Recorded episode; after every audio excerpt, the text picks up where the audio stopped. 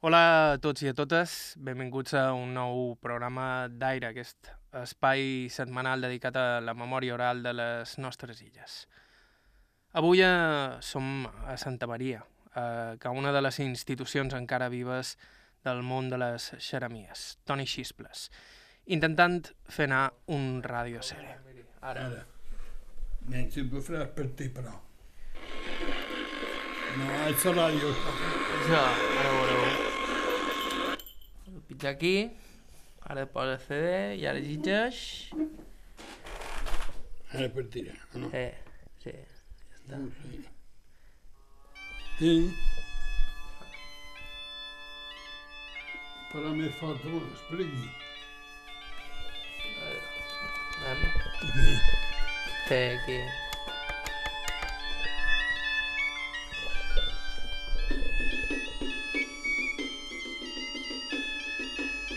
Això ho fèieu tot el vespre. Fins quina hora? Jo que no el pensàvem. Devia ser de prest, perquè si vos paràveu a segons quina hora havien venit del poble a cercar-vos.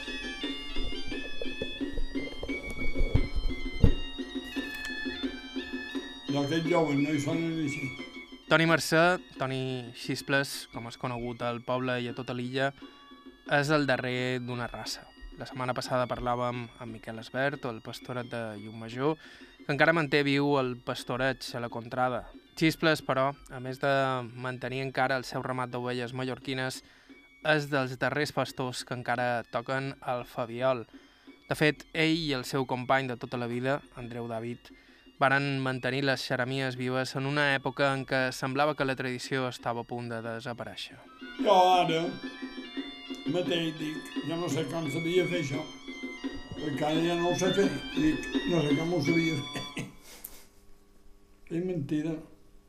A mi em fa gràcia que sense haver estudiat música, bueno, recordéssiu, o Sí, sí, tot sí. d'una intuïció que... I tenim una cosa que aquests joves, antes, que, que han de sonar això, això, altre, sí, i llavors per tu les fan senyes per acabar i tot. No trots res mai. Ni quin havien de sonar. Ell feia sonar les xeremies i jo partia la que em venia en el cap i me seguia i ja estava. I mai me'l feien senyes de res. No? I, sempre, perfecte. Acabàvem exacte. Això fa moltes hores. Claro, per tant, 50 anys. Van sonar 50... He fet 55 anys plegats. No sap què és? Ja mos coneixien de, de, de, de, de sonar, vull dir jo. Vau sonar més temps que Rolling Stones. Sí, sí, Junts. sí.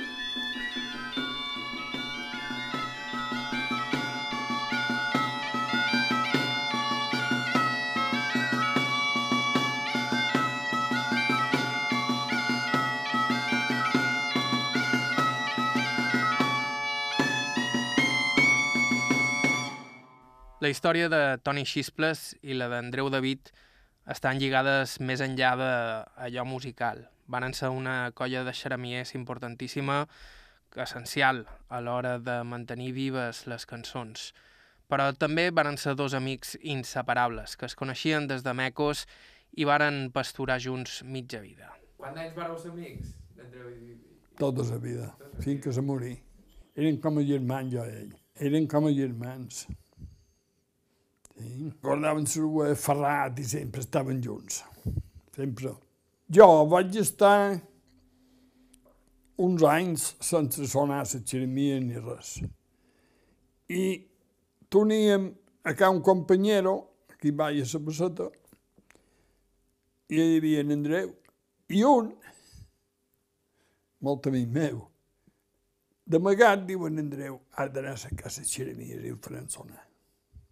Li va dir, però tu deia que allí va partir. I jo vaig dir, i en Andreu, on és? No ho sé, d'on ha anat. Van dir, van fer escriu tots i ho sabien tot, menys jo. I la dinàrem allà, van fer un bon fuergo. Quan van va dinar a treure la xeremies, diu, ah, vinga, que ai, no em va sortir res, jo feia per 20 anys que no havia sonat, 10, jo què sé. No, no, dic no. Però l'endemà vespre ja el vaig tenir aquí, l'any passat demà també, i em vull dir, ja estar, ja ho... I m'hi va tornar dur.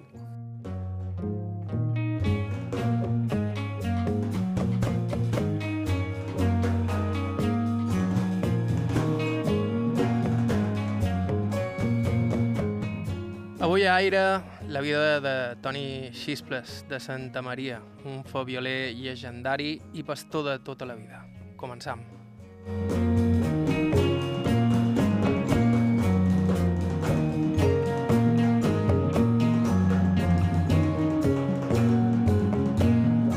I com sempre, arrencam amb les presentacions formals. Aquestes Toni Xisples. Toni Marcé Bestart. Jo vaig néixer dia 10 de febrer del 35, aquí. En aquesta mateixa casa. Eh? Jo era el més petit de la casa, sí. Antoni va néixer en una família de pastors, així que hi estava destinat i com marcava la tradició s'hi va posar de ben jove. Mon pare m'havia fet de pastor també. I llavors varen posar en aquest cap de cantó d'aquí hi havia un forn i ma mare era fornera i varen posar el forn. I varen tenir molt d'anys el forn, llavors. I mon pare tenia una guardaduga seva i va tenir un pastor, llavors ten dos germans bessons que me guanyen de cinc anys més bé que jo i ja guardaren ells i llavors jo i, i d'aquesta manera. I jo eh, a 13 anys ja guardava les rues tot sol. Quantes ovelles tenia el vostre pare? I cent ovelles, un centenar. Eh? Sí. Hi havia molt de pastors. Llavors n'hi havia molts, sí. Santa Maria, podríem posar un, dos, tres, quatre, cinc, cinc o sis guardes hi havia. Guardetes de, de, de, de 80 ovelles, o 100, així. Hi havia més guardes que no pasturatges. I les s'aprenien uns altres, uh, en aquell temps. Sí.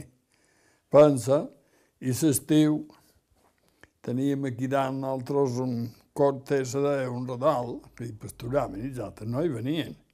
I nosaltres i tots pagaven a duros cortó. Quatre duros una corterada de nariz estiu pagàvem.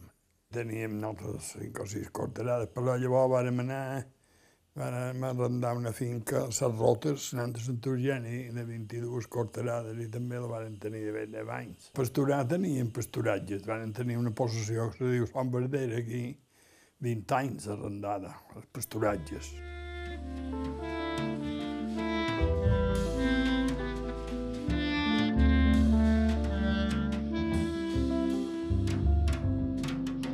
Temps només hi havia mallorquines. Eh, llavors, ara que se van brotar, però llavors ara per tots els guardes eren unes dues mallorquines grosses, molt guapes. Ara, a Mallorca, d'aquelles que hi havia així, només hi ha les meves, que he conservat. Jo, de mallorquines grosses. Ara les diuen mallorquines o unes les deien manacorines, que són unes d'orella petita, petites, això les diuen mallorquines. I, i, i han eliminat aquesta raça i jo l'he conservada. Són l'única a Mallorca. I deu ser difícil no mesclar-les. Hombre, sí. I ara ja he de deixar xots, els mascles de, dels meus, perquè no, no, per no mesclar-ho. Eh? Són grosses, molt peludes. Bé, va venir en Martí Solivelles, Martí Solivelles, que és de Pollença. És la cooperativa de Pollença i tenia una possessió a Sant Colom a Lluc. I va venir un fill seu que estudiava a Barcelona. Havia de fer un... Estudiava d'això d'agricultura, d'enginyeria, un estudi de les uves de Mallorca, de la llana. I va venir el dia que torníem i se'n va dur tres vels. Un va fer 4 quilos i dos, 3.800, els altres dos. Això no s'ha vist mai, 4 quilos. Uves en sortir a quilo i mig i és molt, Sí, són ben peludes. molt peludes són, sí, sí. sí. La llana de la que parla Toni Xisples era només un de tants productes que donaven les ovelles. També hi havia la carn, la llet i de la llet el formatge que feien a casa seva mateix. Perquè vaig tenir també 27 anys d'una carnisseria jo. I jo venia en totes les carnisseries, formatge.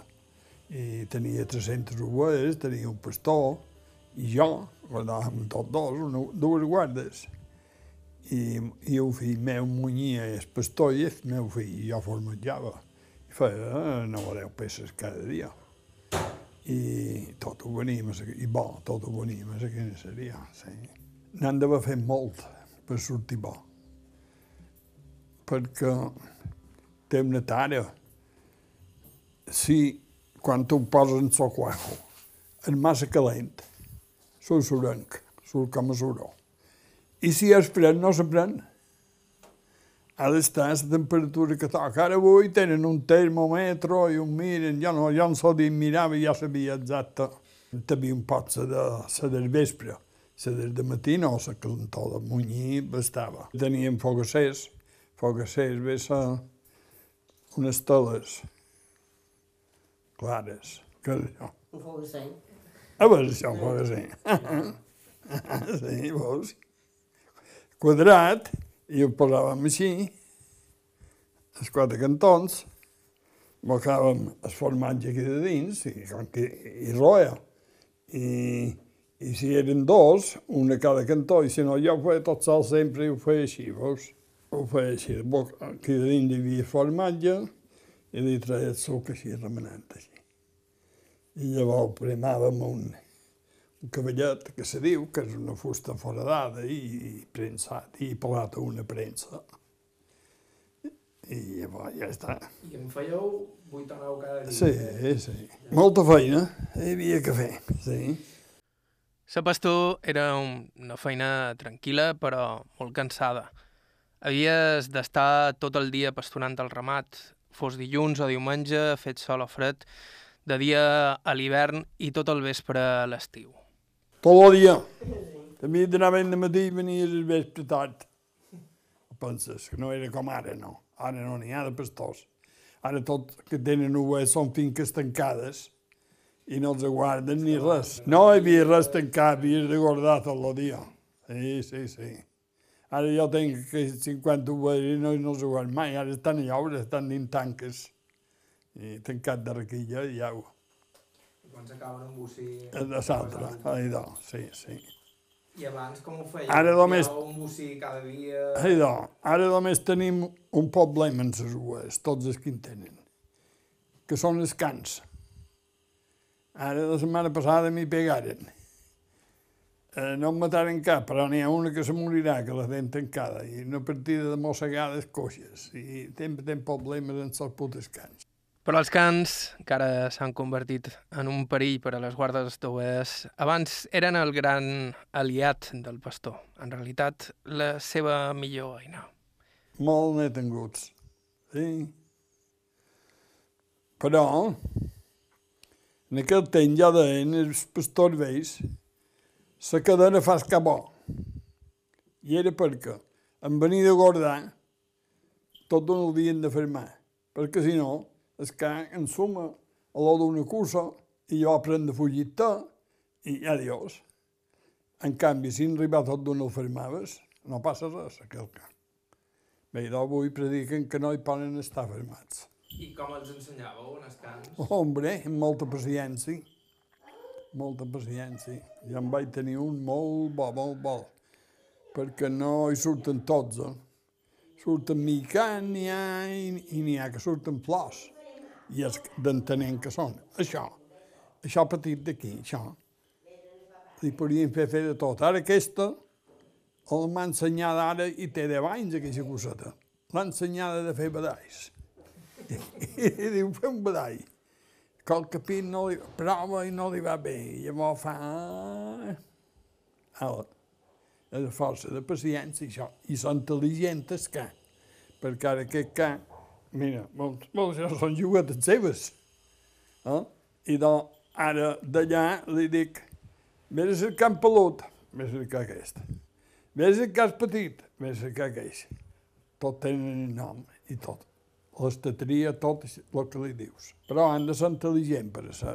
I en les ovelles també era igual, havien de ser intel·ligents. Eh, per, per guardar les ovelles, per sortir bo, havien de ser intel·ligents, que no són tots... És igual que les persones, eh? Homes intel·ligents i n'hi ha que no. I d'ahir és igual, això. I com que hi estaven moltes hores. I per sortir cap bo, tu has de guardar les ovelles per aprendre que. Si no...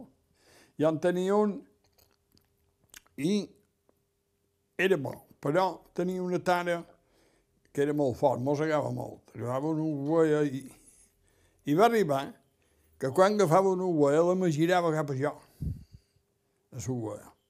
I era perquè tenia por a un mac. Ja, l'esturava amb una predada en el cant, i no s'escaliven. En canvi, si els pegues, s'escaliven el cant. Jo no he pegat a cap mai, un mac sí. I aquest cant sabia fer totes les feines, però la, cada pit havia de mossegar, i no pot ser tampoc. Han de saber caminar a fer feina sense mossegar. I anava molt en el mats, era molt maquer. I mon pare me va dir un vespre, diu, men, prova d'enviar-lo en somac. Diu, jo no he tingut que en somac no la mollen. I va bé. I n'he tingut que mollen el mac, agafen l'uva i tornen a agafar el mac. Has vist de tot. I ho vaig provar. Me cago en d'ell. Va arribar que ja era una vorera de sembrat, escà. I perquè fes feina, li deia a mi Moret, Moret, agafa un mac d'en fora. I agafava un mac i se volava parar tot sol, tota sola baixa, en aquella vorera, en el mac. Arribava a estar miques aquell mac. Bé, esclar, se les tenia tot fotuts del mac. Mira, mira com i deia que el cap parlava així. Eh? Quina raça de cant solíeu utilitzar? No, eren mallorquins. Però no eren aquest cant que diuen ara mallorquins, que, que han fet aquesta raça, que canots grossos, ben negres, que no de ca, llavors n'hi havia de collarat de blanc, eh, de clapat, de virats, i micanet no eren tan grossots, eren més falaguers i eren més l'hora que han fet aquestes races.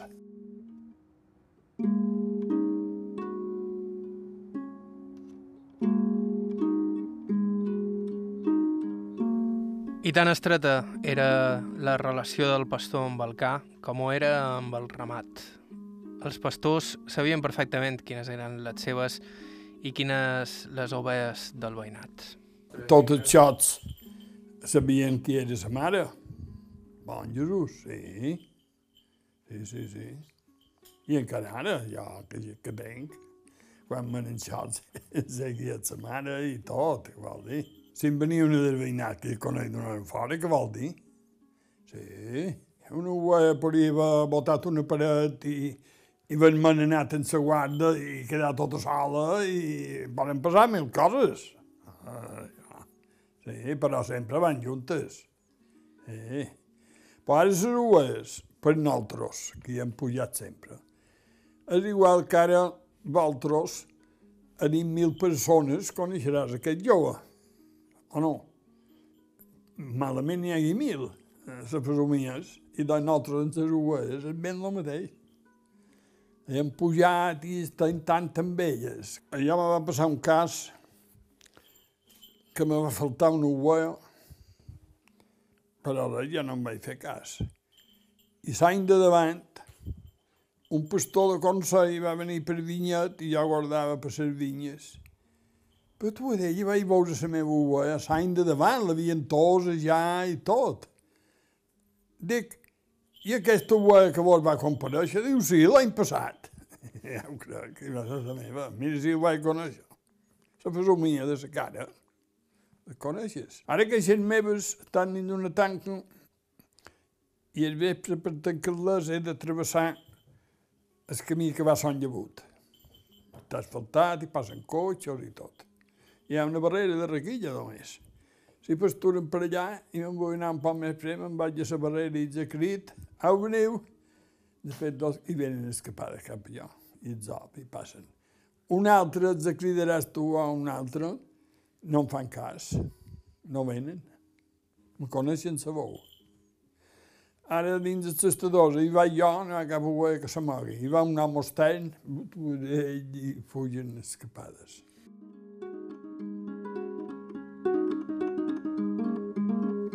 Sentíem Toni Xisples, tota una vida dedicada al pastoreig. I el Fabiol també. D'aquí uns segons en parlam. Fem una petita pausa i continuem. Aire, Joan Cabot.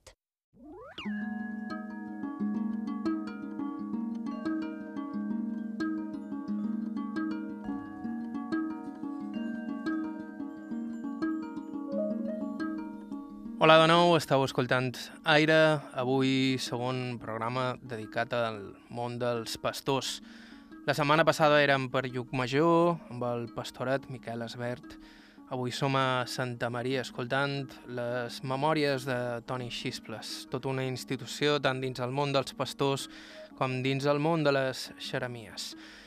Abans de continuar, vos recordam que podeu recuperar el programa de la setmana passada i, de fet, tot l'arxiu d'aquest programa via podcast i a través de la ràdio La Carta de Ivetres Ràdio, a ivetrestv.com barra ràdio. A la primera part han sentit Toni Xisples parlant-nos d'ovelles, cants i dels productes que en treien dels ramats, un món que coneix de ben petit. I és que quan es va posar a pasturar xots devia tenir poc més de 13 anys.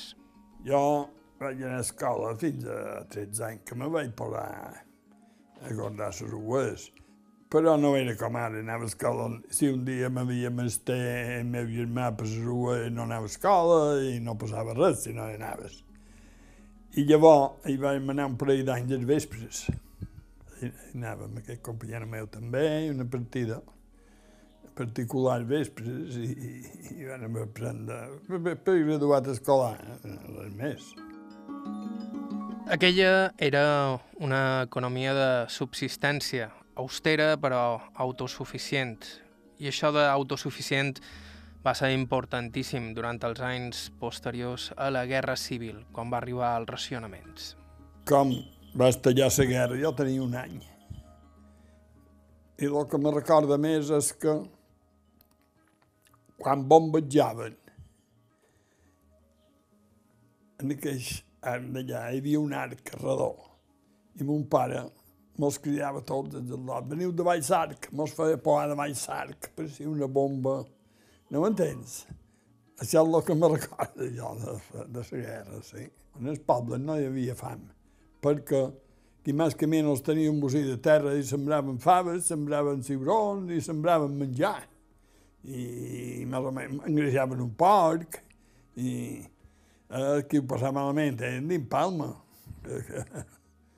sí, però en els pobles no. I, i nosaltres, nada menys, que teníem un forn, però me donaven la farina racionada i, i cada client que teníem tenia el seu quilo de farina, de, de pa, i tot, tot estava controlat, amb cartilla de racionament. Anava era la meitat més petit, Santa Maria. Totes aquelles finques noves que tot això no era. I ara que tot això que hi ha, aquelles finques noves, no són de Santa Maria, és gent que ha vengut a viure aquí, no, no. Però llavors era gent que se coneixia. Ara aquí, l'estiu, al vespre, aquí de fora, tots de que a la fresca. El veïnat d'aquí duia les cadires aquí, el d'aquí de sala les duia de vora nosaltres i tots passaven la velada de fora, no havia televisor ni res, a la fresca allà xerrant i això, i això sap que era de guapo això, els veïnats. I ara no hi ha veïnat ni hi ha res, no se coneixen de més a prop.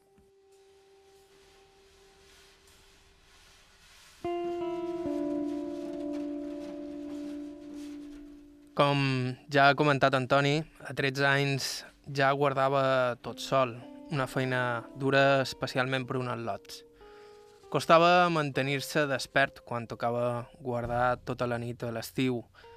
D'aquí que Antoni aprengués a tocar el fabiol, encara que fos només per no dormir-se. Sí, el primer any, de 13 anys, guardar tota la nit, tots sols, eh, tenies por, amb tu d'ell, no... però Perquè en 13 anys ja vos quedava tota la nit tot tot és nit tot sol i 14, sí, sí. Hombre, havia d'anar alerta perquè era mal de gordar en aquell temps, sí. Posta vaig prendre sonar fobial per no dormir-me. Això ho diuen, que era... Que, que, Per no dormir-me, eh? Que els pastors tocaven per no dormir-se. So que tocaves fobial per no dormir-me, sí. I el vostre pare ja tocava. el No, no, no. I d'on vareu aprendre? Va passar una cosa, que nosaltres teníem, si com t'he dit, Son Verdera, i en Andreu David, que era el meu companyero de sonar, tenia en Cap Moragues i estava ferrat. I de bé les 12 mos topàvem. I també era la... Bé, ell tenia un dia més que jo. ell va néixer el dia 9 de febrer jo dia 10, vol dir que era com jo. Tenia 13 anys igual. Mos topàvem i ja sonàvem, ell duia la xeremia de son pare i el fobial i ja sonàvem. I vàrem aprendre així. Dir, que de música en sabíeu poc. Res, pensa tot, sempre tot de memòria. Tot de memòria. Jo vaig tenir una cosa molt bona per això, perquè va durar uns anys que mestre Pec Cans, de Sant Roca, eh, en so seu nebot Tomeu, els dilluns sols, els vespres venien per sonar i anàvem a la caseta, una caseta de n'Andreu, i mos duien dos botifarrons i sopàvem allà i, i sonàvem un poc allà, sonaven. I jo, en aquell temps, fumava i me sabia de vores foc i una foganya allà, i ell sonava que el veia. I sonava una cançó nova que no havia sentit mai, i jo l'escoltava. I me quedava allò dins el cap. I sense prou la ni res. El dilluns que venia ja la sonava. Quines coses, eh? Me quedava dins el cap allò.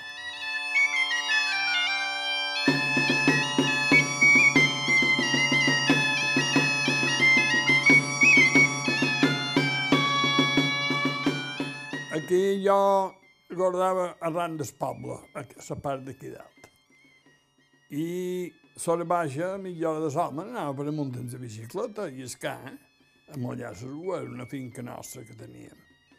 I les dones, en el carrer aquell, sonarà el fobial de nit, totes me deien, sonarà el fobial, i se seien a la fresca per sentir el fobial. Eh? I era molt guapo, d'aquí el sentien. Un pare d'aquí el sentia. Quan en Toni Xisples i el seu company Andreu David varen aprendre a sonar les xeremies, la tradició estava en retrocés. Aquells anys era dificilíssim trobar instruments, sovint havies d'esperar que algun vell es morís per poder-li comprar la seva vídua. Ells mantingueren aquella tradició viva i potser, si no hagués estat per ells, s'hagués perdut.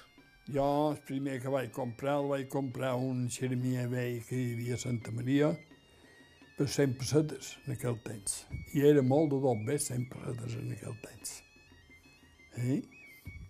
I eren difícils de trobar. Hombre, sí, no no, no n'hi havia. Eh?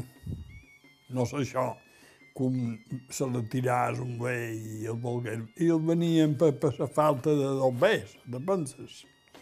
Sí. Sí. I les ceràmiques encara devien ser més difícils de trobar. També havia de ser d'un vell. Les xeremies, sí. sí. Les ceràmiques antigues, per mi que sonaven diferents Eh. Sonaven més fort. Més fort, més gruixat, més bé sonaven.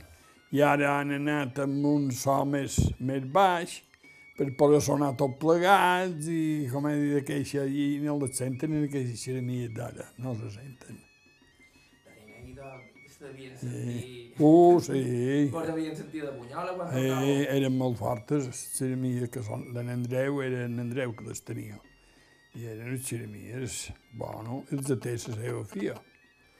Eh, I encara estan conservades aquestes ceràmiques. eh, ets de guarda, uh. Què fèieu per entretenir-vos després en hivern, quan havíeu de guardar les ovelles? Vull dir, per una banda, són Ah. moltes hores, però deu ser una feina tranquil·la. ja també. diré, ja te diré. Uh, ara, de, de, de, de, de cap aquí, no de nin. Agafava el telèfon, què fas? Res, estic de vora el foc. Au, vine. I venia en Andreu, ens aixeria i me'l posàvem a sonar aquí. I la meva dona me'l enviava a una puta perquè la vaig tornar loca. Sonant. O anàvem a la seva caseta, al vespre, i sonàvem una hora o dues. I quan, i en si veig quan els, els atraieu de dia, Foc. I un pot de xuga, I de, i sopàvem allà un poc i passàvem la baldada. Sempre en venien dos o tres en altres. I... Eh, no, me lo passàvem bé. Més que ara. Ara els joves no se saben de vestir que no s'engatin. És vera. I nosaltres eh, anàvem al cafè i bevíem un cafè i xerràvem tota la baldada. O fèiem una escambria o coses així. Passaven la baldada, si veiem. Toni Xisples és dels darrers que varen aprendre a sonar en aquell entorn, els darrers pastors xeramiers. Anys després, les xeramies es recuperarien, apareixeria un renovat interès en els instruments, però la manera d'aprendre a tocar-los ja seria completament diferent. Els primers que vengueren va ser en Pet Toni Rubio i en Pet Roger. Aquests dos amb un motoret que duien, jo m'apareix que no me record bé, d'aquest que duien un rodillo a la roda. No, no, sé si era així, venien amb un motoret, Can Andreu, per les xirimies i per venga, i les moneduguérem a sopar per la tanca, i llavors acompanyàvem jo, mira tu. I d'aquells ja n'ensenyaren els d'altres i, i, coses així. No, en Pet Toni Rubio és molt bon, molt, molt. En Pet Toni Rubio sap sonar de la manera que sonaven nosaltres i de la manera que sonen els joves. Ho sap fer tot en Toni. Llavors en Tomàs, que també és molt bo, i ara aquests joves, no, aquests joves sonen d'una altra manera. Aquests joves sonen, sonen estil, estil orquestra, que diríem. I no són xeremies, això.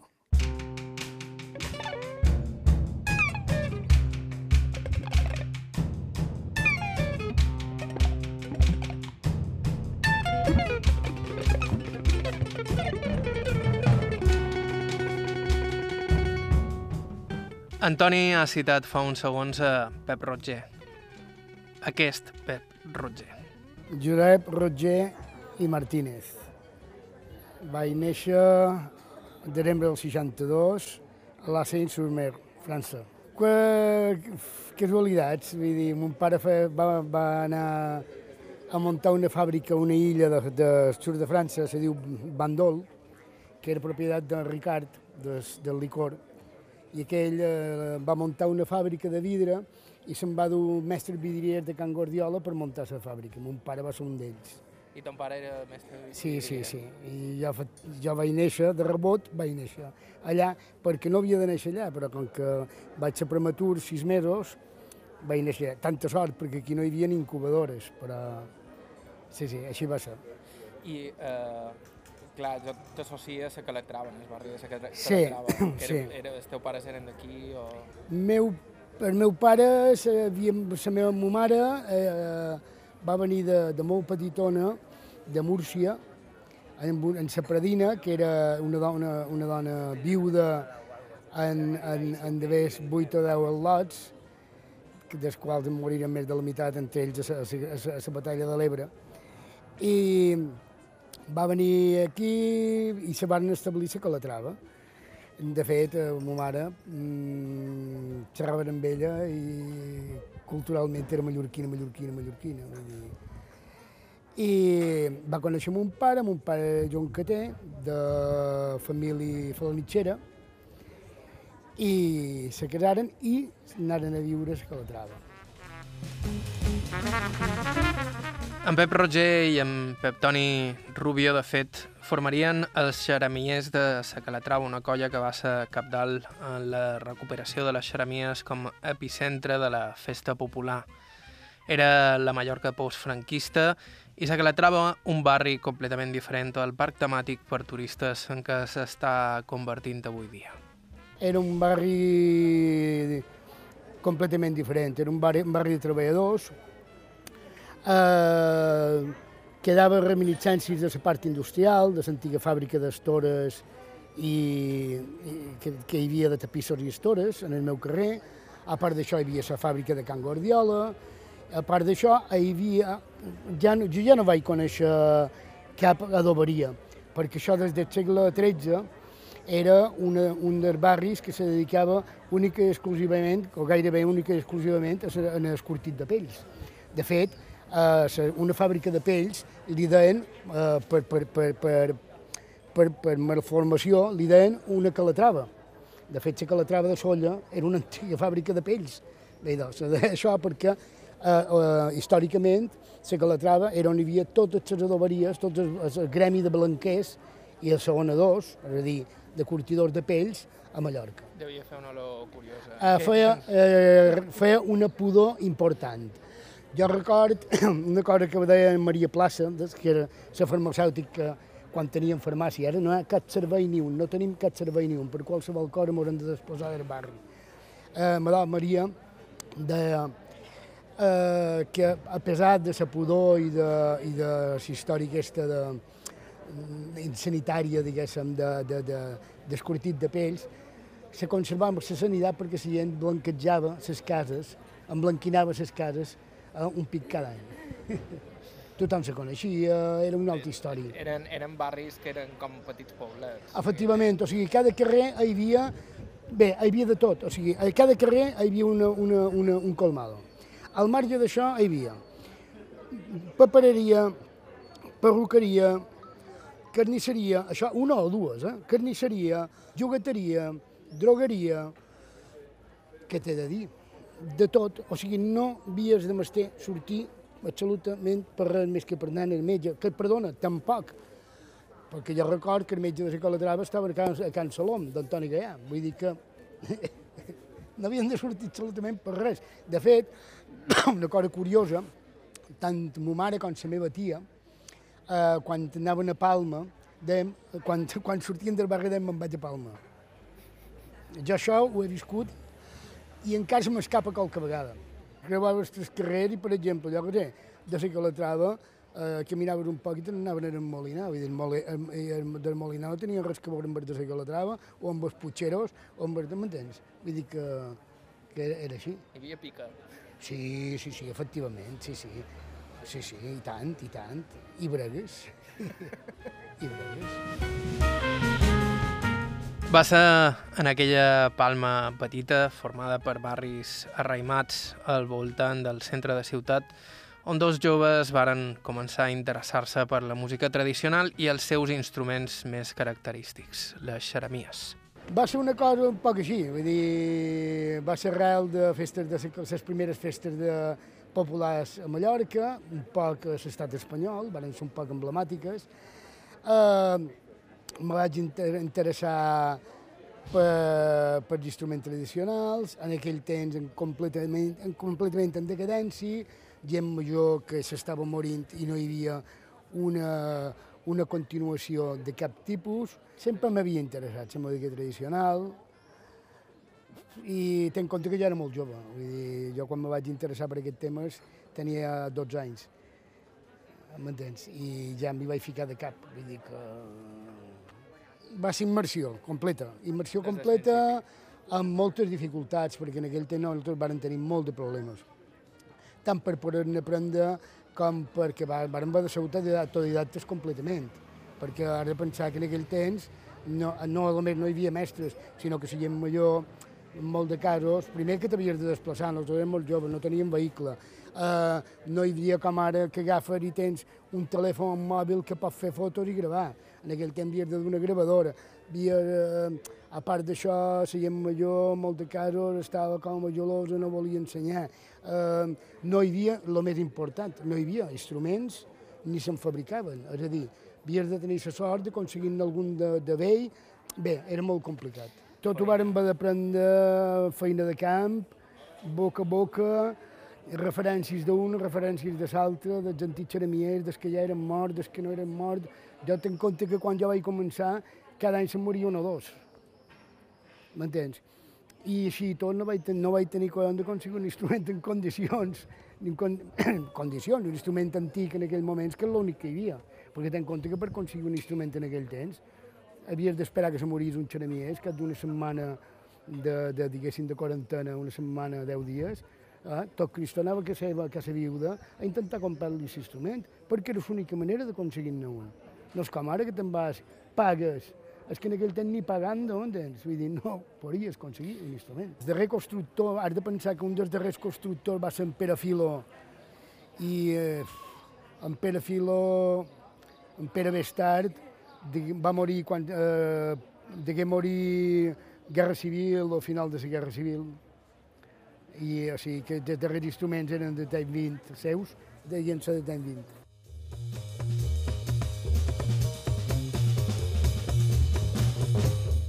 La història de com els xeremiers de la Calatrava van aprendre a tocar i van aconseguir els seus primers instruments té molta epopeia. Havien d'anar de poble en poble, encalçant els vells, molts, molt reticents a ensenyar-te cap mena de cançó. És que darrere t'havies de guanyar el seu respecte. M'explic. El primer de tot és una cosa que s'ha perdut ara, sobretot en el món de, en el món de la música tradicional, a respectar en els altres. M'entens? Ara tot s'ha desmadrat massa, m'entens? Tothom sap tocar. Bé, un dels problemes és quin és? Greu. Tothom serveix per tocar. I no tothom serveix per tocar, ni per pintar un quadre, ni per esculpir un, un, un, una talla, m'entens? Això és greu problema. Tothom s'ha tirat al ruedo, m'entens? En dins les bandes se camufla tot, tot va bé i tot sona bé, per un tapa l'altre, i això és un dels problemes que hi ha hagut. O sigui, estem, estem, estem morint de glòria, m'entens? Estem morint de glòria, això és un dels problemes greus. Estem en decadència, jo ho he dit sempre. A la gent només li interessa tocar, no li interessa aprendre, li interessa tocar. I si són del poble ja va bé, no saben tocar, és igual, però són del poble. M'explic? Ara, rockeros del poble no tocaran a la verbena, m'entens? En Pep Toni Rubio i en Pep Roger, qui sentíem, encara varen tenir sort i varen coincidir amb algunes colles veteranes i llegendàries, de les que varen poder aprendre moltíssim, bevent de la font original. Molts que han vengut després no han tingut l'oportunitat de fer-ho. Hi havia el Llargos de Sencelles, hi havia eh, en Moret de Muro, en Antoni Mates, hi havia Espinero, en Sebastià i, i, i, en, i en Pep, Macho, eh, aquests eren els més emblemàtics, diguéssim, com a colla, com a colla semiprofessional. O... És a dir, el, que feien bàsicament era llogar-se a les festes dels pobles. Ah, efectivament, efectivament. Tocar, no? Claro, hi havia més demanda, hi havia més demanda que oferta, en la qual nosaltres vam haver de fer una feina extra d'aprenentatge superbèstia per poder cobrir aquestes necessitats perquè hi hagués una continuació secular perquè si s'espanyava aquesta continuació, desapareixia aquest instrument a les festes populars.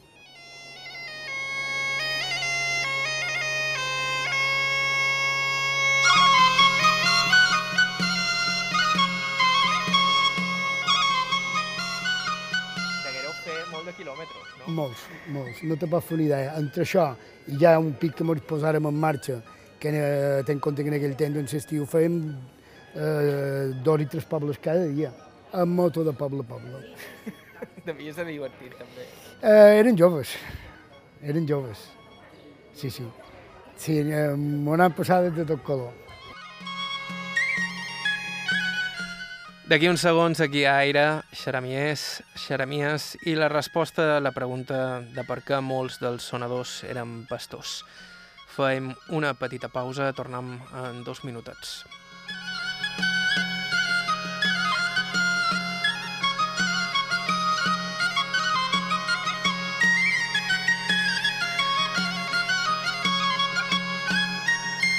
Aire. Dimecres a les 10 del vespre a IB3 Ràdio. A IB3 Ràdio, Aire, amb Joan Cabot.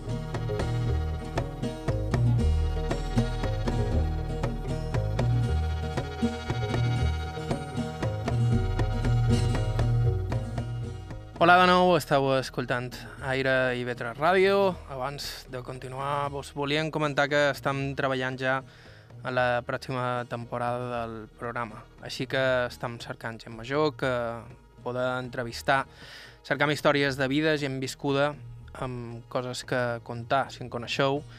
Ens podeu escriure a aire.ivetresradio.com o podeu contactar amb nosaltres a través del nostre perfil de Facebook. En el programa d'avui hem pegat de les oves a les xeramies. Hem sentit primer Toni Xisples, de Santa Maria, que va preservar la tradició del pastor sonador i és un dels darrers faviolers de la seva raça, dels que han après a sonar a l'aire lliure pasturant els ramats.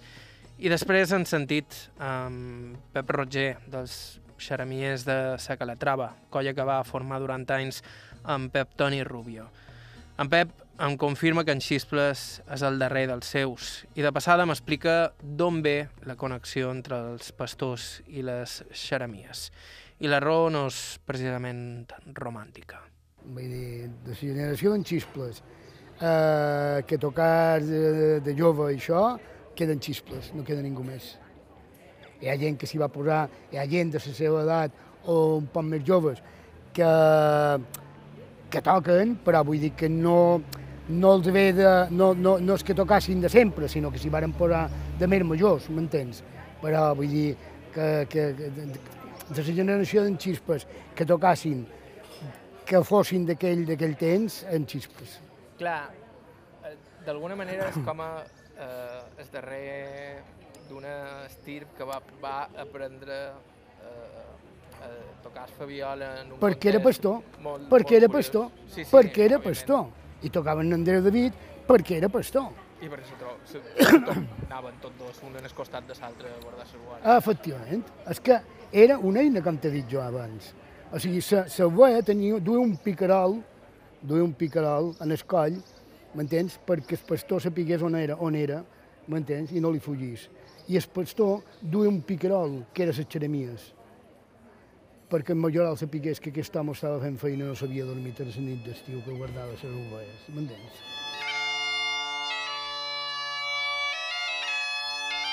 Quan Antoni Xisples i n'Andreu David varen començar a llogar-se per tocar pels pobles, aquesta reminiscència d'explotació laboral, si es pot dir així, ja s'havia extingit. De fet, gairebé les xeramies s'havien desaparegut. Ells, però, varen rodar durant anys i anys de poble en poble. Per tota Mallorca anàrem, no a Osona. Com va ser això? I com va ser? Jo no ho sé, jo no me'n recordo. Me'n llogaven, me'n llogaven i ara a Santa Maria no varen cobrar res mai a ningú. Anàvem a molts, a, a bodes, a, de tot. Mos, mos llogaven, però no cobraren res mai a ningú. Ni a l'Ajuntament per les festes tampoc no cobraren mai. No, mos alegraven, a l'Ajuntament sí, però no cobraren mai. No. I en canvi vareu fer tour per tota Mallorca. Ara de fora, sí. De fora, de fora en aquell temps ja cobràvem 20.000 pessetes, els dos. No me direu. Sí, i era molt, però no n'hi havia, que havien de fer. A Gènova anaven tres dies per les festes, sempre, a Gènova. A Lluc hi anaven tres dies més. I, i saps que tenien de feina, molta. N'hi havia un parell més, però eren vells i ja segon que ja no ho volien fer i tot el dia me'l cridaven en altres. Saps que n'hi havia de pots, sí, sí. Que va estar a punt de desaparèixer. a punt de desaparèixer va estar. Jo crec que també se va espanyar un poc eh, després de la guerra, en la guerra, també crec que... I quedaven molt pocs, i vells.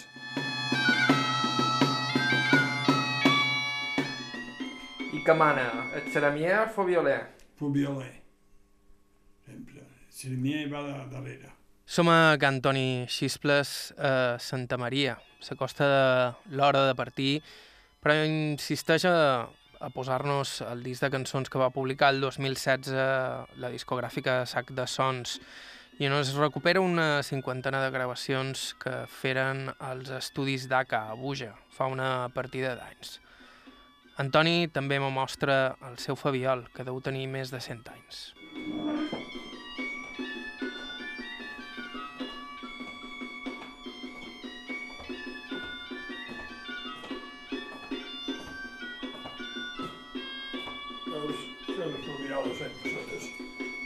Encara el conservau? Bueno, l'estic més en això. Ja no, ja no, no, no, no ha ningú que faci fent això. Ho veus, ho feien homes i no sabien ni No, llegir ni escriure.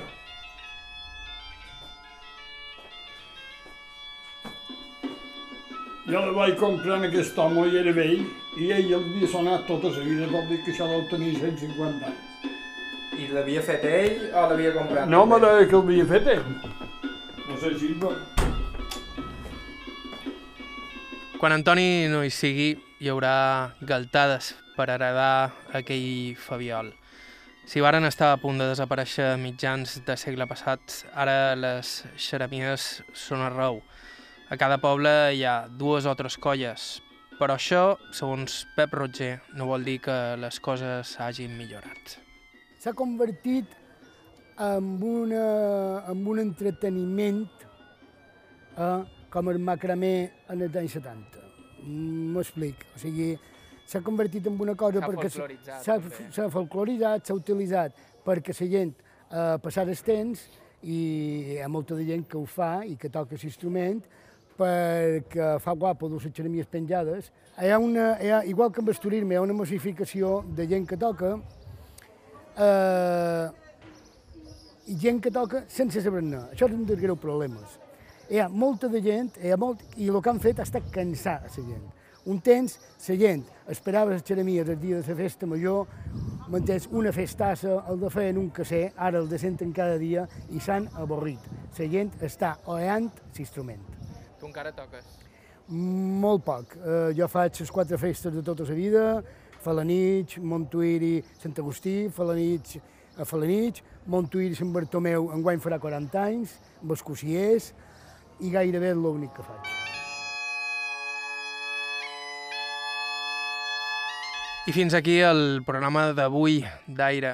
Moltíssimes gràcies a Pep Roger i a Toni Xisples pel seu temps i paciència amb nosaltres.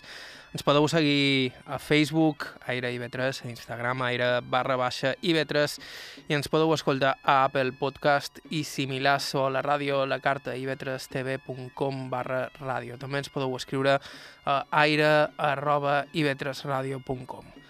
Us recordam que alguns dels materials d'aquest programa formen part dels fons dels arxius del so i la imatge dels Consells de Menorca, Eivissa i Formentera i de l'Arxiu Oral de Mallorca de la Fundació Mallorca Literària Consell de Mallorca. Bàrbara Ferrer i Margalida Mateu a la producció, entrevistes enregistrades amb l'assistència de Jordi Pol, Alberto Guillén a la producció tècnica, vos ha parlat Joan Cabot, fins la setmana que ve.